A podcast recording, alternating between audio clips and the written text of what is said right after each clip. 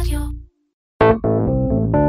מנועי הכסף, הפודקאסט של כלכליסט על הנושאים החמים בעולם הכלכלה. לא מעט פרקים הקלטנו פה בפודקאסט, כשבמקביל הייתה מתיחות ביטחונית, בארץ ובעולם. מבצעים צבאיים, טילים אה, ורקטות על ערים מרכזיות בארץ, ואפילו מלחמות שרחוקות מאות קילומטרים מאיתנו. אבל נראה שגל הפיגועים הרצחני שקורה בימים אלו בערים המרכזיות בישראל שונה, והשוני הגדול הוא, הוא מבחינת ההשפעה הכלכלית האפשרית. בניגוד למלחמה או פעולה צבאית, אשר לרוב ניתן לאמוד את משך הקרבות בזמן, בגל הנוכחי של הטרור, הזמן הוא נעלם גדול. אין לנו, וככל הנראה לאף אחד, מושג כמה זמן הוא יימשך, אם בכלל הוא יימשך. אפילו לא הערכה. גל טרור בהגדרה הוא משהו בלתי צפוי שרמת חוסר הוודאות בו גבוהה מאוד.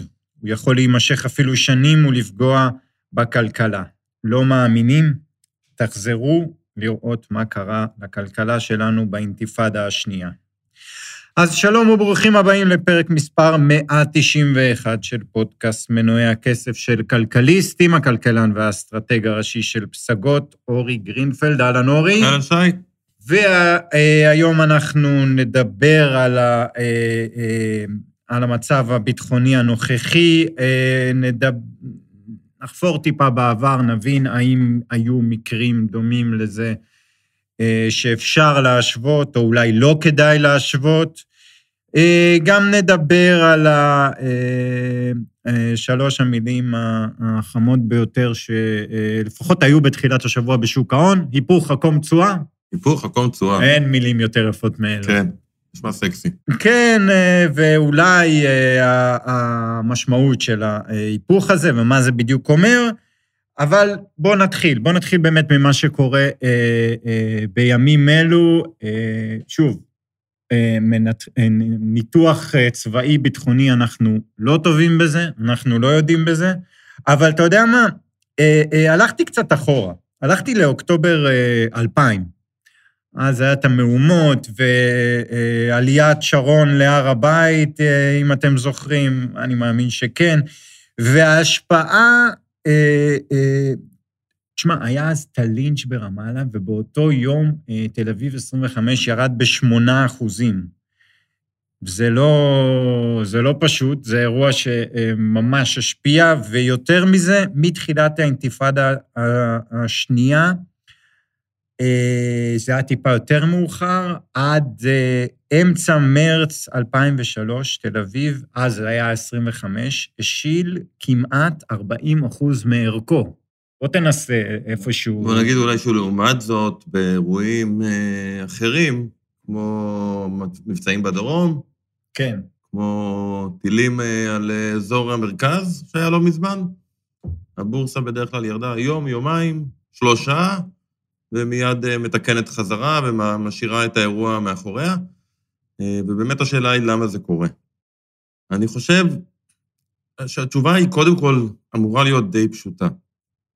אם לאירוע הביטחוני אין השפעה כלכלית מהותית על המשק, אז אין סיבה שהשווקים ירדו לאורך זמן. בסוף השווקים הפיננסיים, שוק המניות, מראה לי כמה שוות החברות הישראליות, שזה בעצם שאלה של כמה הן מרוויחות, ואם אין פגיעה ברווח כתוצאה, למשל, ממלחמה בדרום, וכמובן שבכל מבצע ליבנו עם תושבי הדרום, אבל בסוף אתה שואל מה ההשפעה על המשק. אתה מסתכל על נתוני התוצר בישראל, אתה מסתכל על נתוני הצריכה הפרטית בישראל, ואתה רואה שגם אם יש מבצע שנמשך כמה שבועות, אנשים במרכז עדיין הולכים לעבודה, עדיין הולכים וקונים, אה, במרכז, בצפון, אפילו בדרום, אם לא באזור שקרוב לרצועת עזה. ולכן בסוף אתה רואה שגם במבצעים כאלו, השפעה כלכלית היא לא מהותית, גם אם היא קורית, היא נמשכת לתקופה מאוד קצרה, ולכן השווקים מתנערים מהאירועים האלו מהר. לעומת זאת, באירועים כמו האינתיפאדה, אה, של תחילת שנות האלפיים, אה, באירועים כמו, דיברנו לפני על תוכנית על ההבדל בין מלחמת לבנון השנייה למלחמת לבנון הראשונה. כן. מלחמת לבנון השנייה, צריך לזכור ש... הצפון היה משותק לתקופה די ארוכה, וכן הייתה השפעה כלכלית, היא נמשכה רבעון אחד, ובאמת ראינו קצת יותר ירידות בבורסה, אבל גם אז השוק די תיקן חזרה מהר. לעומת זאת, מלחמת לבנון הראשונה. בימים הראשונים של מלחמת לבנון השנייה, כבר הבורסה התחילה לעלות. כן, כן, לקח ממש מספר ימים. כן. הבינו, השוק, דרך אגב, בזה אפשר להגיד שהוא די טוב, אה, לפעמים. הוא מבין מהר יחסית לאן הדברים הולכים. אותו דבר אנחנו רואים היום באוקראינה-רוסיה, ואני אדבר על זה תכף. כן. שוק מתחיל להריח שמדברים, גם אם יום אחד מדבר, אה, יש שיחות, ויום למחרת פוטין אומר שאין שיחות, ויש איזושהי מגמה של שיפור בוודאות, וזה מה שהשוק רוצה לראות.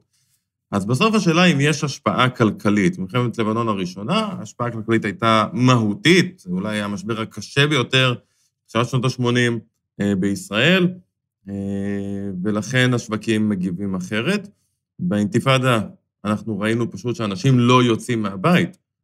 אה, עם הפיגועי טרור, אה, בתל אביב, במרכזי קניות, אנשים פחדו לצאת מהבית, אנשים לא יוצאים מהבית אז הם לא קונים, אם הם לא קונים, בטח שהם לא הולכים לקניונים, לא קונים, זה אומר שצריך באיזשהו שלב פחות עובדים, האבטלה עולה וחוזר חלילה. סייד נוט, שחשוב תמיד לתת, אה, שלפעמים האירועים הביטחוניים קורים במקביל לדברים אחרים שלא קשורים, וכשזה בא ביחד, ההשפעה יותר חזקה. זאת אומרת, תחילת שנות האלפיים, צריך לזכור שגם הייתה התפוצצות בועת הדוט קום. אוקיי. זה פשוט קרה ביחד. שזה לא... קרה ממשהו חיצוני, ארצות הברית, לא בדיוק, קשור אלינו. בדיוק, לא קשור אלינו, אה, והעובדה שישראל, אה, יש לה ענף טכנולוגיה גדול, ובאמצע, במחצית השנייה של שנות ה-90, ראינו פה צמיחה מאוד מאוד מהירה, וחברות עולות, ואז כשהתפוצצה הבועה, זה מאוד השפיע על הכלכלה הישראלית.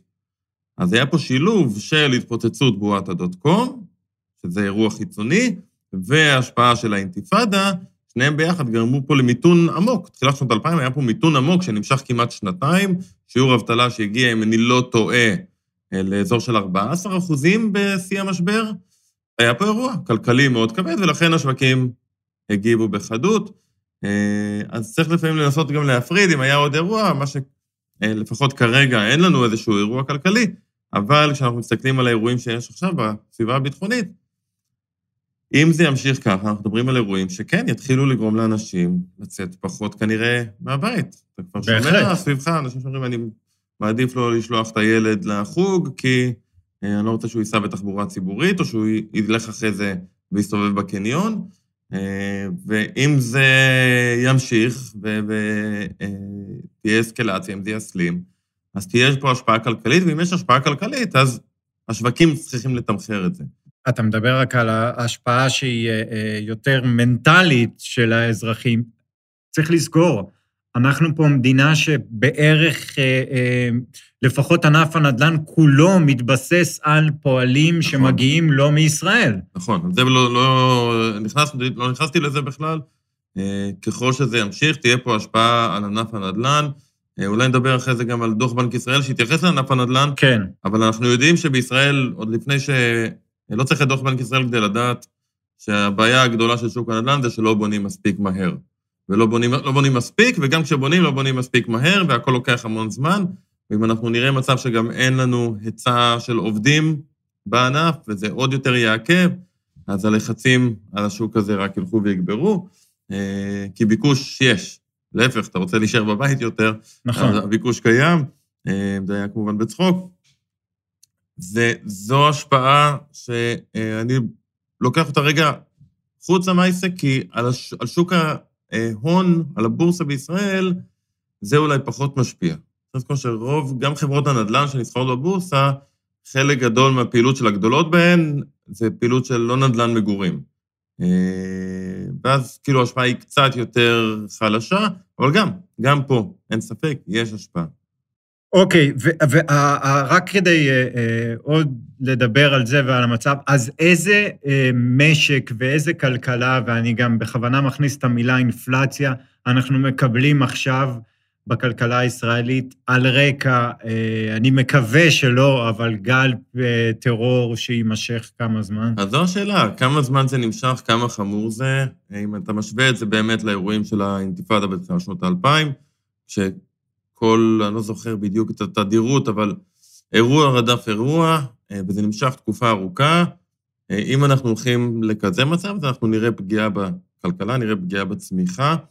אה, על האינפלציה זה פחות ישפיע, כי עוד פעם, רוב האינפלציה עדיין זו אינפלציה שמגיעה מצד ההיצע. מחירי המזון, מחירי האנרגיה, מחירי המוצרים, עם הפקקים שיש בנמלים וכל הדברים האלו. זה כן ישפיע בשוליים. השאלה אם זה יגרום לבנק ישראל, שאותת בשבוע, שבועיים האחרונים, שהנה, העלאת הריבית מגיעה, והוא הולך להעלות הריבית יחסית מהר, אה, יותר ממה שציפו, דרך אגב. מתחילים לדבר על אה, העלאת ריבית עד לרמה של אחוז וחצי, כבר השנה. כן. שזה מאוד מפתיע, ממש העלאות ריבית מהירות. אם אנחנו נכנסים לתרחיש כזה, זה מעלה בסימן שאלה עד כמה באמת התהליך של העלאות הריבית אכן יקרה, וזה שם את בנק ישראל בעמדה מאוד מאוד לא נוחה. בדרך כלל העמדה של בנק מרכזי זו עמדה לא נוחה, כי אתה לא רוצה לפגוע במשק, אבל להעלות ריבית בגלל אינפלציה שמגיעה מצד ההיצע, תוך כדי שהמשק שלך בהאטה, כי צד הביקוש נפגע, ואתה, העלאת הריבית תפגע עוד יותר בצד הביקוש. ריבית משפיעה רק על צד הביקוש, היא גורמת לנו לקנות פחות, לחסוך יותר, לקחת פחות הלוואות וכן הלאה. אז זה לא כל כך ישפיע על האינפלציה, זה כן ישפיע על המשק, ואולי כן. הוא ירגיש שאין לו ברירה, כי אם אינפלציה בארבע, והיא בדרך לשם, אז אולי אין לו ברירה. שאלה טובה, נראה, נקווה שזה לא יימשך כל כך הרבה זמן, ולכולנו יהיה קל יותר. עוד לפני שנגיע לבנק ישראל, ובאמת חשוב להגיד כמה מילים על הדוח שיצא, רק צריך להוסיף לכל המשוואה הזו, שבישראל אה, גל טרור קרה לא פעם ולא פעמיים בעבר, שמשפיע על יציבות אה, פוליטית ועל יציבות הממשלה. לא מעט, אה, אני חושב ש... אחת הסיבות שאז אהוד ברק היה ראש ממשלה ויצא, זה בדיוק היה גל הטרור. ותוסיף לכל הדבר הזה של גל טרור, אה, אולי חוסר יציבות של הממשלה, וכבר אה, עוד איזשהו מש, חוס, גורם גדול של חוסר ודאות. ועליית המחירים. דרך אגב, אני לא הייתי מזלזל בה, בכל העולם זה קורה. אתה מתחיל להרגיש אה, סימנים ראשונים אולי לסוג, לתחילה של מחאות כן. עליית מחירים. מחיר הדלק עולה ועולה, מחיר המזון עולה ועולה. עוד פעם, זה בכל העולם קורה, מחיר הדיור עולה ועולה. אה, ואנחנו עוד לא בתרחיש 2011, אבל כנראה שיהיו ניצנים של דברים כאלו, אז זה רק עוד יוסיף לקלחת הזו. בואו אז נדבר, אה, אה, בנק ישראל פרסם השבוע את הדוח שלו. הוא מפרסם כל שנה את הדוח בערך בתקופה הזו. בעצם כמו חברה רגילה, אבל לא בדיוק. כי אה, בוא, הדבר הכי בולט, אתה בטח ראית דברים אחרים בדוח, אני, הדבר הכי בולט שראיתי, שהוא אה, רכש יותר מ-40 מיליארד דולר בשנה האחרונה, רוב הרכישות דולרים היו, אה, רוב הרכישות מטח היו למתן את השקל החזק. שבינתיים אנחנו מקבלים אותו ב-3.17. עבד מעולה. כן. לא, אגב, אתה לא יכול לדעת באמת אם זה עבד מעולה, כי אתה לא יכול לדעת אם, אם לולא הרכושות היינו מקבלים אותו ב-2.90. כן, זה מה זה תמיד התשובה. יפה, אני הסנגור שלהם. ואז יתרות המטח גדלו כבר מעל 200 מיליארד, 213, 217, אני לא זוכר את המספר המדויק, אבל אה, מה, ראית משהו אה, עוד דרמטי, מעניין בדוח? קודם כל, לגבי יתרות המטח, והזכרת כמו חברה, אני חושב שזה משהו ששווה להזכיר, כי יש על זה תמיד ויכוח, אה, ואני שומע את זה המון גם בהרצאות שאני עושה. כשרואים את בנק ישראל קונה דולרים, ואז הדולר יורד, אומרים, בנק ישראל מפסיד כסף, וזה בסוף אני משלם את זה. צריך להגיד, בנק ישראל, יש על זה ויכוח, כן? זה, יש דעות לפה ולפה, אבל בסוף בנק ישראל הוא לא מוסד עם כוונת רווח. הוא לא אמור להרוויח כסף, יש לו תפקיד יותר חשוב, וזה לדאוג לכלכלה הישראלית, בניגוד לחברה אה, מסחרית שדואגת לרווח שלה. זה נכון מבחינת התהליך, רק שנבין איך זה עובד. בנק ישראל, כשהוא מפסיד כסף, זה נרשם באיזשהו, בדוח, אין לזה כאילו משמעות אמיתית, במובן, כי, כי לבנק ישראל יש, בוא נזכיר, מדפסת של כסף. כן. בנק ישראל מסיים, מסיים את השנה בהפסד. עכשיו, נגיד שנה הבאה הוא יסיים ברווח, הרווח, אם זה רווח מצטבר, זאת אומרת, אם הוא יכסה את ההפסד של השנה הקודמת, או השנתיים הקודמות, או שלוש שנים קודמות, ואז יעבור לרווח מצטבר, אז הרווח הזה יעבור לממשלה, כי הוא לא שומר אצלו את הרווח, הוא בעצם מחלק דיבידנד מלא, אפשר לקרוא לזה, לממשלה, וזה עוזר לניהול התקציב. זה אומר שהגירעון קטן כביכול, אם זה רווחים מאוד גדולים. רגע, רגע, רגע, אני חייב לשאול, ממה הוא מרוויח בכלל? למשל, אם הדולר, אם יש לו, כמה אמרנו? 214 מיליארד דולר, והדולר יהיה פתאום בחמש, זה הרוויח. כן, אוקיי. אז הוא יוכל למכור חלק מהדולרים, לממש את ההחזקה ולהעביר כסף לממשלה, כביכול.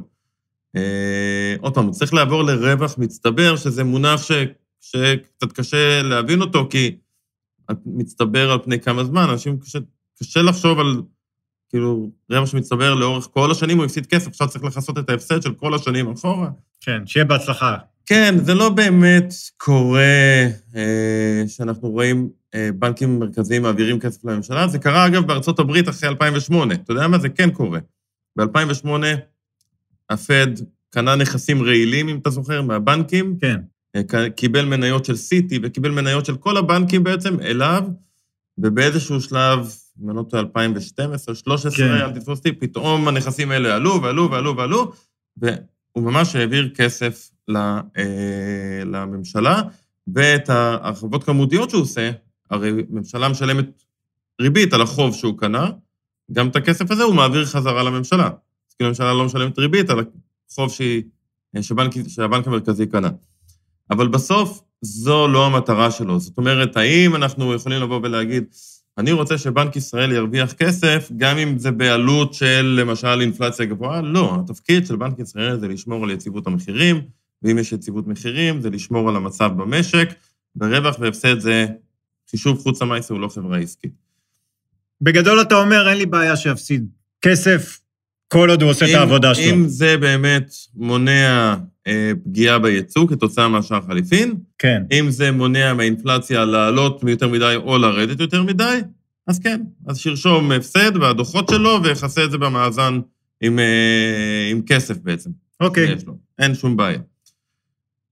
מה כן מעניין בדוח בנק ישראל? חוץ מזה שיש לנו יתרות מטח אדירות, שאני לא, האמת שלא בדקתי, אבל אני לא מצליח לחשוב על מדינה שיש לה יתרות מטח כל כך גדולות ביחס לתוצר שלה. כמעט 50 אחוז מהתוצר, יתרות המטח שלה. זה מספר מפלצתי. כאילו, התוצר השנתי לעומת היתרות כן, מטח? כן, כן, שההמלצה היא בדרך כלל לאזור של 15 עד 20 אחוז. זה מספיק. כן. בסדר, שים את זה בצד. הכסף לא הולך לאיבוד. נכון, בדיוק. יש יתרות, אנחנו גם, בוא נגיד, לא בשכונה הכי חברותית בעולם, אולי יום אחד נצטרך אותה. אין שום בעיה. אה, מה שמעניין היה בדוח זה דווקא ההתייחסות של בנק ישראל לשוק הנדל"ן. אה, היה פרק שלם על זה. אוקיי. Okay. ובנק ישראל עושה את המהלך הקלאסי של אה, זריקת תפוח אדמה לוהט למישהו אחר, והוא פשוט בא ואומר, הבעיה האמיתית בשוק הנדל"ן זה לא הריביות שהיו נמוכות, חס וחלילה, זה לא בעיה שלי, זה לא אה, אפילו המס על המשקיעים שהעלו, למרות שזה תרם לעליית מחירים. הבעיה האמיתית היא שהממשלה כל הזמן מוציאה עוד תוכנית ומבטלת תוכנית ועושה תוכנית חדשה ויוצרת אי-ודאות. בשוק הזה... אני חייב להגיד שיש בזה משהו. אני נוטה להסכים. אי-הוודאות, מה שהיא גורמת, ובנק ישראל ממש כותב את זה, אי-הוודאות, מה שהיא גורמת, היא גורמת לצד ההיצע לא לעבוד ב, אפשר להגיד, תפוקה מלאה. כשהיזמים, הקבלנים, לא יודעים אם עוד חודשיים תהיה עוד תוכנית, ואז כמה ימכרו להם קרקע, ובכמה הנחה הם יצטרכו למכור, ואיזה סוג של דירות הם יצטרכו לעשות, אז הם בונים לאט, הם לא ממהרים לבנות. כשיש ודאות, השוק עובד יותר טוב. אה, עוד פעם, אני לא יודע להגיד, זו הסיבה המרכזית לעליית המחירים שהייתה בשנה האחרונה. נזכיר שמחירי הדירות בישראל עלו ב-13% בשנה האחרונה. אגב, בנק ישראל אומר גם שם, וצודק, זו תופעה כלל עולמית. בארצות הברית מחירי הדירות עלו ב-20 אחוז, הוא נותן שם כמה וכמה מדינות אה, של שיעורי עלייה יותר גבוהים מישראל, אנחנו איפשהו באמצע. אז גם פה צריך להגיד עוד פעם, זה לא שקרה פה משהו שלא קרה במקומות אחרים בעולם, אבל אני לא יודע להגיד קצת כמה המשקל של הריבית וכמה המשקל של זה. בנק ישראל עשה עבודה, עשה ניתוח שבא ואומר, הבעיה המרכזית היא חוסר הוודאות, אה, אני נוטה להסכים שזו בעיה, וזה משהו ש... מתישהו יצטרכו לגשת אליו. דיברנו על זה במובן של ממשלה שצריכה לייצר ודאות לאורך שנים, כן. כמדיניות. בשוק הנדל"ן זה אולי הדבר הכי חשוב. תוכנית שאתה יודע, לא משנה איזה תוכנית, צד ההיצע, צד הביקוש, עדיף בצד ההיצע, כי שם באמת הבעיה, שלא נשלה את עצמנו, אבל תוכנית שאתה יודע שנמשכת עשר שנים קדימה. נכון. שכולם מבינים איך היא עובדת וכולם מחליטים איך עובדים איתה, ואז אולי אנחנו נראה את שוק הנדל"ן קצת משנה כיוון. כן, אולי אם יהיה שר שיהיה עשר שנים בתפקיד, זה יקרה, כי איך יכול להיות ששר לא יהיה חתום על תוכנית חדשה? אבל זה כבר דיון אה, אחר. בואו נדבר, כן, כמה דקות על ההיפוך עקום תשואה, כי בהחלט דיברו על זה היום. כל כך מרגש. מאוד מרגש. ורק נסביר בקצרה מה קרה השבוע, איגרת החוב האמריקאית לשנתיים, התשואה שאני מקבל על האיגרת הזו, אם אני קונה, עקפה את התשואה לאיגרת לעשר שנים. כן. בוא נבין קודם כמה זה כביכול חסר היגיון כלכלי.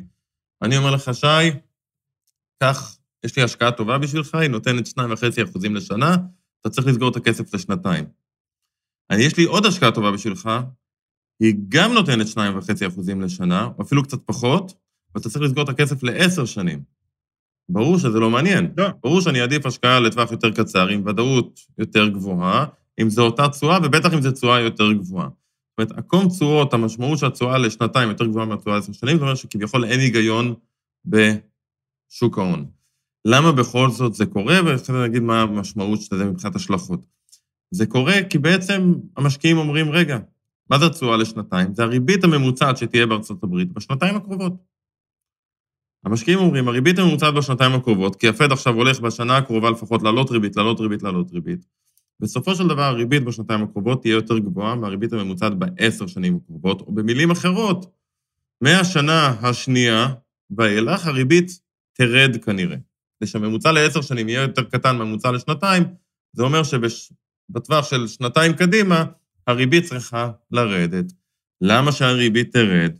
כי אומרים, עם איך שהדברים נראים כרגע, כנראה, א', האינפלציה תירגע באיזשהו שלב, כי רובה מגיעה מצד ההיצע, ומתחילים לראות, למשל, בפקקים בנמלים. אה, לפני כמה חודשים, אני זוכר שהסתכלתי, היו 110 אוניות שחנו מחוץ לנמל בלוס אנג'לס. כן. זה ירד ל-50 כבר. זאת אומרת, יש שיפור, כל הזמן הוא איטי או הדרגתי, אבל יש שיפור. זה דבר אחד. דבר שני, השוק אומר גם ככה, המשק נכנס להאטה. העלאת הריבית רק תחזק את ההאטה הזאת, ואולי אפילו נראה האטה חריפה, אולי אפילו מיתון, זאת אומרת צמיחה שלילית, ואז לפד לא תהיה ברירה, הוא יצטרך להוריד את הריבית. למעשה, עקום תשואות שמתהפך, כלומר שהתשואה הקצרה גבוהה יותר מהתשואה הארוכה, זה אינדיקטור, אחד האינדיקטורים הכי טובים שיש לחיזוי מיתון. ממלחמת העולם השנייה, זה לפי בנק... היה אחד. ממלחמת העולם השנייה, היה מיתון אחד רק, שלפניו עקום התשואות לא היה הפוך. בדיוק.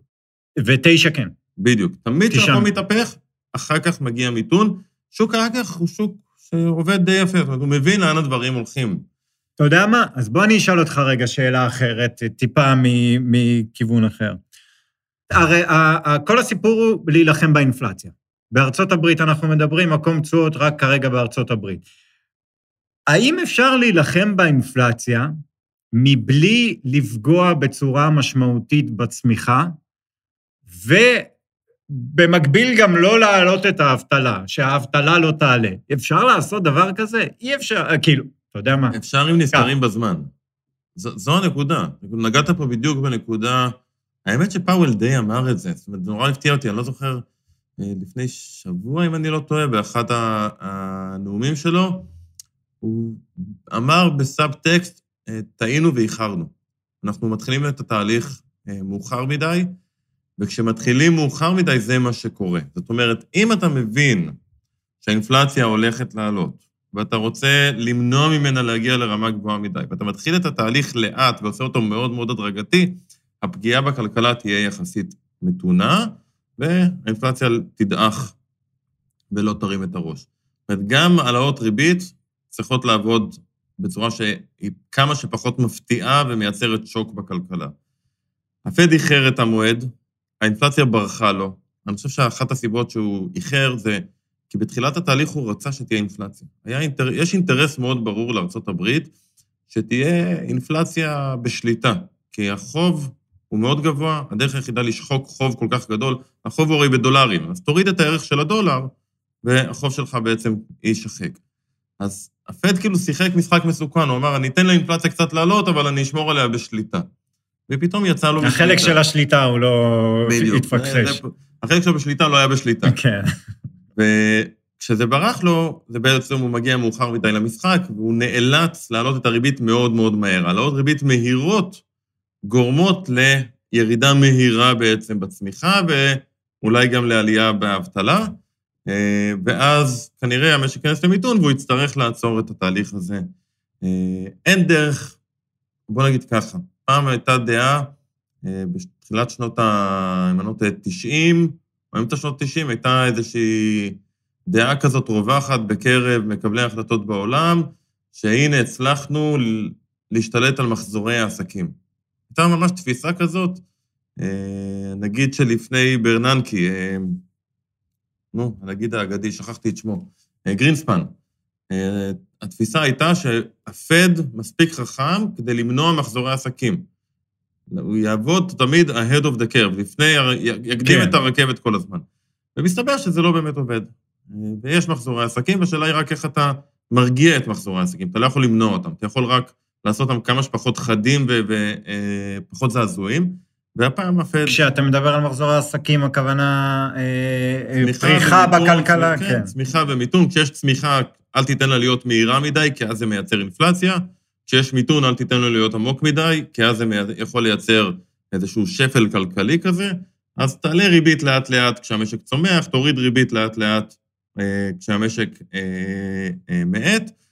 אבל זה לא קרה, ועכשיו אין ברירה אלא להעלות הריבית מהר, והעלאות הריבית המהירות יכניסו, י, י, יעמיקו את הבעיה בכלכלה בארצות הברית. ועוד פעם, זה נכון בכל העולם, רק בארצות הברית העוצמות הן הרבה יותר חזקות, כמו בכל דבר, אתה יודע, כן. רואים את זה דרמטי. בגדול, כן. אה, אז זה, זה המצב, ולכן עקום התשואות הפוך. והנקודה המרכזית היא שעקום תשואות הפוך הוא לא רק סימן לזה שהמשק בדרך למיתון, הוא בעצמו גורם למיתון. זאת אומרת, יש פה תהליך שהוא גם הסיבה, גם המסובב וגם הנסוב והמסובב. נכון? כן. ככה אומרים? אה, כי כשעקום התשואות שלילי, מה זה בעצם אומר? אם אני בנק, אני יכול לקחת כסף, להלוות, לתת לך על הפיקדון שלך. אני צריך לתת לך 2.5 אחוזים הריבית הקצרה, כן. וכשאני אלווה למישהו כסף, אני אצטרך לקחת לו 2.4 על האשראי שאני נותן. כי הריבית הקצרה זה הריבית שבנק בעצם משלם על הפיקדון, והריבית הארוכה זו הריבית שבנק נותן את האשראי שלו. אז אני לא אתן את זה פשוט. אז אני אתן פחות אשראי. כן. אני אתן פחות אשראי. כמובן שאני לוקח את זה קיצוני, כי הרבה פעמים בוודאי. בנקים לוקחים עוד מרווח מעל התשואות האג"ח, אבל בסוף, ככל שעקום התשואות משתטח, ובטח שהוא יורד, הכדאיות של הבנקים להוציא אשראי הולכת ופוחתת, וכשהיא הולכת ופוחתת, הם מוציאים פחות אשראי. הם מוציאים פחות אשראי, בטח במשק האמריקאי, שהוא משק שבנוי על אשראי, יש, זה רק מחריף את ההאטה, אה, ולכן הפד יצטרך להגיב. הפחד של כולם, אגב, זה שהוא לא יוכל להגיב. שהאינפלציה תהיה אה, עקשנית, וגם לתוך ההאטה, או אפילו מיתון, נשאר עם אינפלציה של 6-7 אחוז בארצות הברית. ב-6-7 אחוז הוא לא יכול להפסיק לעלות את הריבית. התפקיד שלו זה לדאוג לאינפלציה קודם כל. לא, וה, וה, והפחד אפילו היותר גדול זה מהעלייה באבטלה. כי כרגע האבטלה נמוכה. כן, עם בכזה- עלייה באבטלה זה... אה, בכזה מצב, שקודם כל העלייה באבטלה תקרה אם המשק נכנס למיתון. ואם המשק נכנס למיתון ובנק, והבנק המרכזי, הפד במקרה הזה, נאלץ להמשיך תוך כדי המיתון להעלות את הריבית, הוא מאוד יחריף, האבטלה תעלה בחדות, וזה עלול להוביל אותנו למצב מאוד לא נעים. אה, לשמחתנו, עוד פעם, אה, כל אחד וההערכות שלו, כנראה שהאינפלציה לא תישאר ברמות האלו, כי החלק הזה של צד ההיצע, אתה יודע, עשינו חישוב בפסגות, כמה מתוך האינפלציה שיש היום בארצות הברית מגיע מרכבים, שזה בוודאות עניין של מחיר, הבעיה שהייתה בשבבים ובשינוע, אה, שוק האנרגיה, שזה כמובן עליות המחירים האחרונות שהיו, ושוק הנדל"ן, שכנראה לא נמשיך לראות את המחירים עולים בקצב של 20% בשנה, כי הריבית על משכנתאות כבר החלה לעלות. שלושת הגורמים האלו בלבד אחראים ליותר מ-3.5% מהאינפלציה בארצות הברית. זאת אומרת שמספיק שהמחירים בשלושת הגורמים האלו, הם לא צריכים לרדת, הם צריכים להפסיק לעלות, או לעלות, אה, ב... סליחה, להפסיק לעלות. מחיר הנפט, לא, שלא, אפילו אם הוא לא ירד, הוא יישאר ככה. מחיר הרכבים לא ירד, עלה ב-50 אחוז, שיישאר גבוה. אתה מוריד מהאינפלציה 3 אחוזים. סביר להניח, לפחות, איך שאני רואה את התמונה, שמחירי הרכבים ירדו באיזשהו שלב, כי ייצרו מספיק רכבים.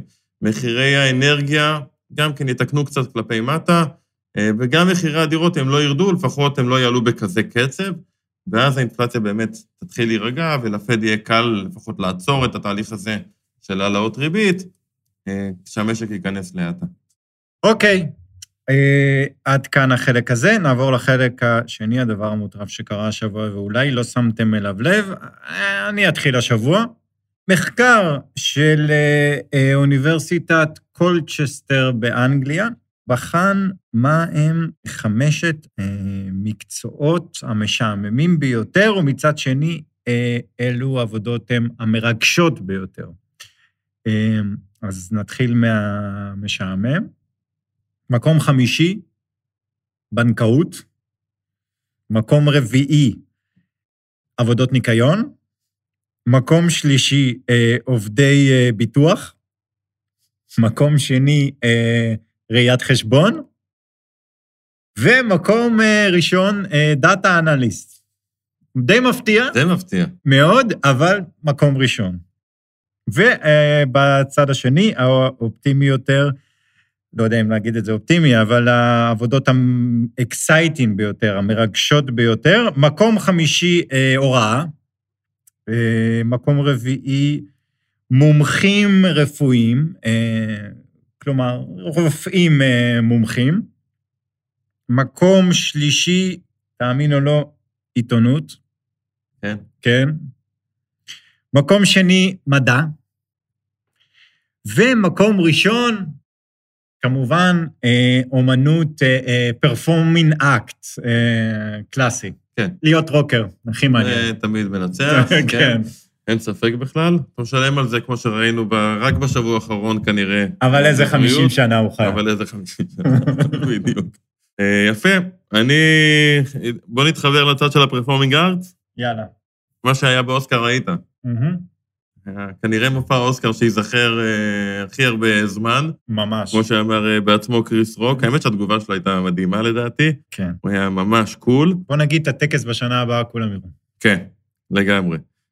מיד ביום שאחרי הטקס, היה ציוץ בטוויטר של אה, מנכ"ל אה, חברת בשם TickPick, TickPick זו חברה שמוכרת כרטיסים להופעות סטנדאפ, והוא רושם, מכרנו יותר כרטיסים להופעה של, לסטנדאפ של קריס רוק בלילה שחלף, מאשר כל מה שמכרנו בחודש האחרון. ולמחרת הוא ממשיך ומצייץ, ואומר להופעה של אה, קריס רוק ב Wilbur Theatre ביום רביעי הקרוב, לפני יומיים המחיר הזול ביותר עמד על 46 דולר, זה הזול ביותר. היום המחיר הזול ביותר שנמכר עמד על 411 דולר. פי עשר המחירים עלו, והכל נהיה סולד אאוט, כל הטור שלו בשנייה. שווה הרבה כסף הסתירה שהוא כן, ספג. כן, כן. לא פלא שהוא היה קול, אולי הוא כבר חשב על מה הולך לקרות. אז תראו כמה, כמה דברים זזים מהר ב- בעולם שלנו. מדהים, מדהים. מדהים. יומיים. כן. אה, תודה רבה שהאזנתם, ונשתמע בשבוע הבא.